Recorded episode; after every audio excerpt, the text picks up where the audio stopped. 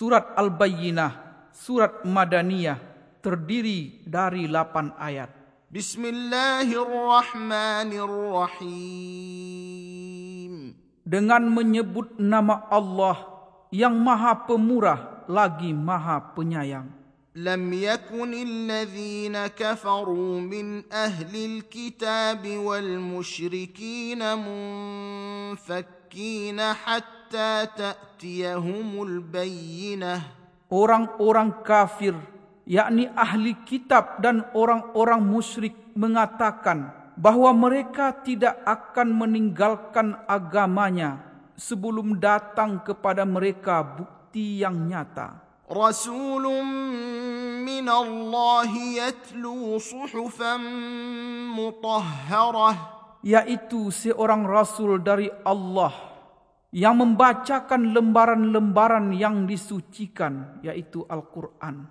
فيها كتب قيمة Di dalamnya terdapat isi kitab-kitab yang lurus. وما تفرق الذين اوتوا الكتاب الا من بعد ما جاءتهم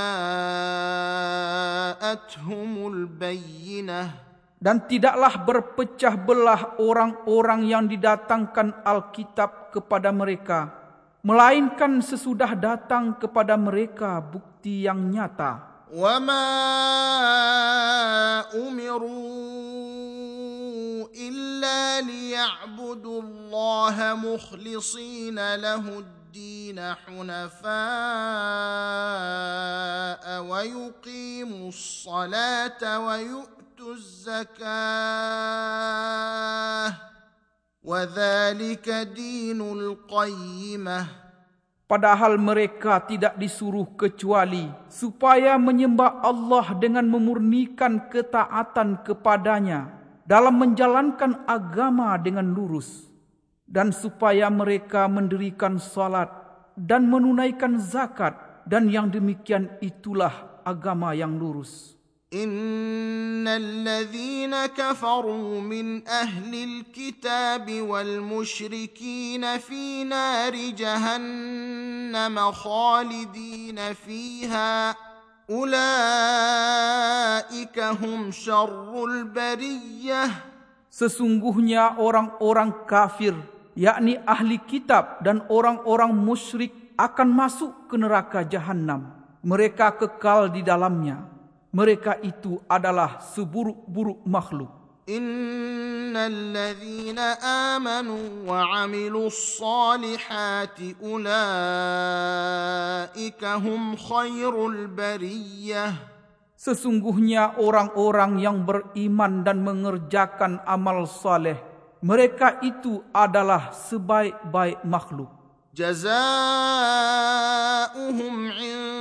عند ربهم جنات عدن تجري من تحتها الأنهار خالدين فيها أبدا. رضي الله عنهم ورضوا عنه. ذلك لمن خشي ربه. Balasan mereka di sisi Tuhan mereka ialah surga Adan. Yang mengalir di bawahnya sungai-sungai.